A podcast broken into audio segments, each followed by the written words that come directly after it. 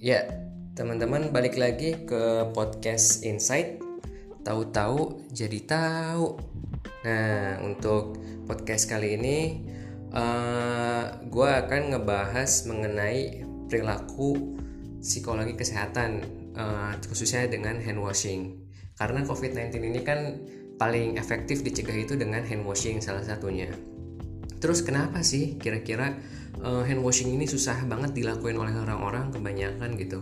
Yang pertama itu kalau based on behavioral sciences itu karena lack of awareness atau kurangnya kesadaran di mana mereka kurang sadar aja, kurang aware mengenai ya kalau cuci tangan ini adalah cara terefektif dan itu diakuin WHO juga gitu.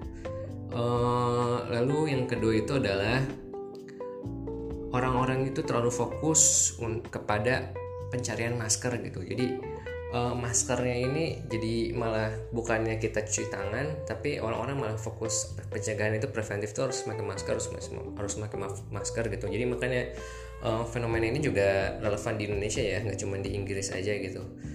Orang-orang kan pada langsung buru-buru jadi masker jadi masker gitu kan. Nah terus uh, yang ketiga itu adalah orang-orang ini pengen melakukannya cuman mereka terlalu sibuk dan terlalu capek gitu. Entah karena kerja juga uh, mungkin yang masih keluar apa pulang pergi kerja ataupun ya mereka terlalu sibuk dan capek karena work work from home misalnya. Jadi uh, hal itu bisa menghambat juga tuh perilaku mencuci tangan. Jadi uh, people intend intend to act but they then are too busy, too busy and tired gitu di bahasa Inggrisnya.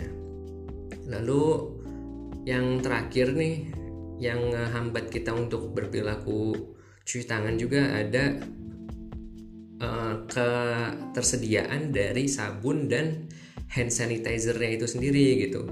Apabila ia tidak tersedia atau sulit untuk disediakan ya sulit diakses misalnya ya orang jadi terhambat juga untuk melakukan perilaku hand washing salah hand washing cuci tangan kalau nggak pakai sanitizer gitu.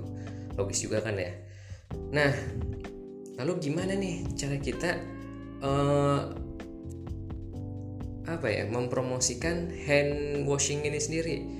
Nah yang paling gampang itu ya kita based on behavioral science tuh kita berbuat apa namanya membantu orang-orang tersebut atau kita mungkin salah satu korbannya itu agar memunculkan habit uh, untuk cuci tangan itu sendiri. Misalnya dipunculinnya kayak diasosiasikan di pikiran kita. Misalnya ketika kita bangun kita akan cuci tangan. Pokoknya ketika kita habis makan kita akan cuci tangan. Pokoknya kita sebelum makan kita cuci tangan.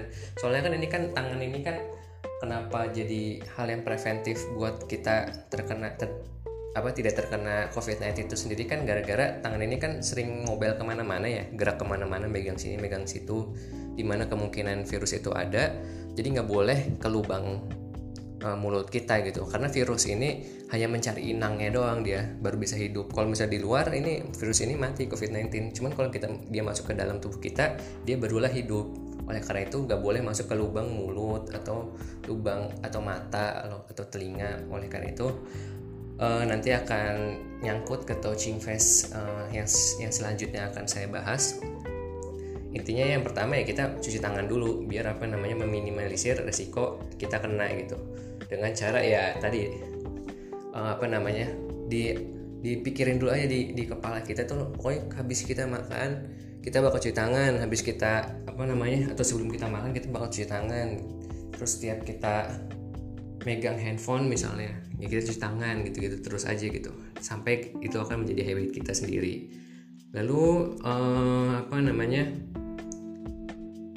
kita harus uh, yang kedua ini yang paling penting ini juga adalah ya ketersediaan dari sabun itu sendiri atau uh, hand sanitizer itu sendiri gitu. Harus harus tersedia dan terlihat gitu.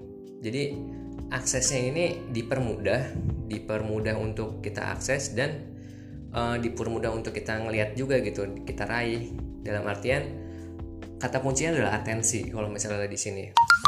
Di mana kita di sini kan banyak ini ya banyak apa namanya uh, banyak hal yang kita perhatikan kalau kita lewat kalau kita apa namanya bekerja kalau kita melihat gitu. Ada kita divided attention namanya tapi kalau hal yang yang kita perhatiin itu ya kita butuh selected attention untuk apa namanya memfokuskan ke suatu hal. Nah, setidaknya dengan kita menempatkan sabun ataupun uh, hand sanitizer di tempat yang terlihat, salah satunya mungkin kalian bisa naruh di depan pintu rumah kalian gitu. Jadi ketika kalian masuk ya kalian langsung ngelihat hand sanitizer langsung disemprot langsung kalian gunakan gitu.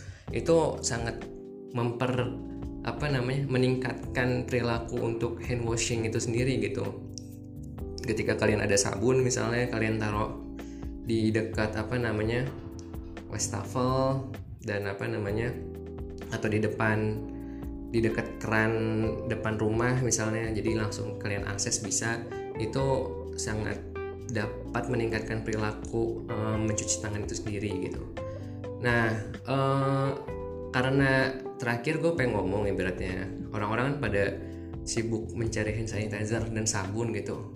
Sedangkan ya kita tahu sendiri kalau misalnya uh, etanol ini sendiri uh, bahan baku dari desinfektan atau etanol itu sendiri semuanya itu kita masih impor gitu. Kebanyakan impor dan bergantung sama Cina dan negara-negara lain. Sedangkan negara-negara lain juga secara makroekonomi ya mereka membutuhkan juga. Jadi kita krisis bahan baku uh, perihal uh, etanol yang merupakan bahan dari desinfek eh desinfektan dan uh, hand sanitizer itu sendiri. Jadi sangat direkomendasikan oleh uh, apa namanya gua mungkin dan apa namanya WHO itu sendiri mending pakai sabun aja gitu agar membantu uh, agar etanol dan bahan-bahan penting lainnya yang diguna yang bisa diakses aja udah sama sama apa namanya sama dokter sama tenaga medis gitu. Jadi nggak kita ambil bahan baku mereka.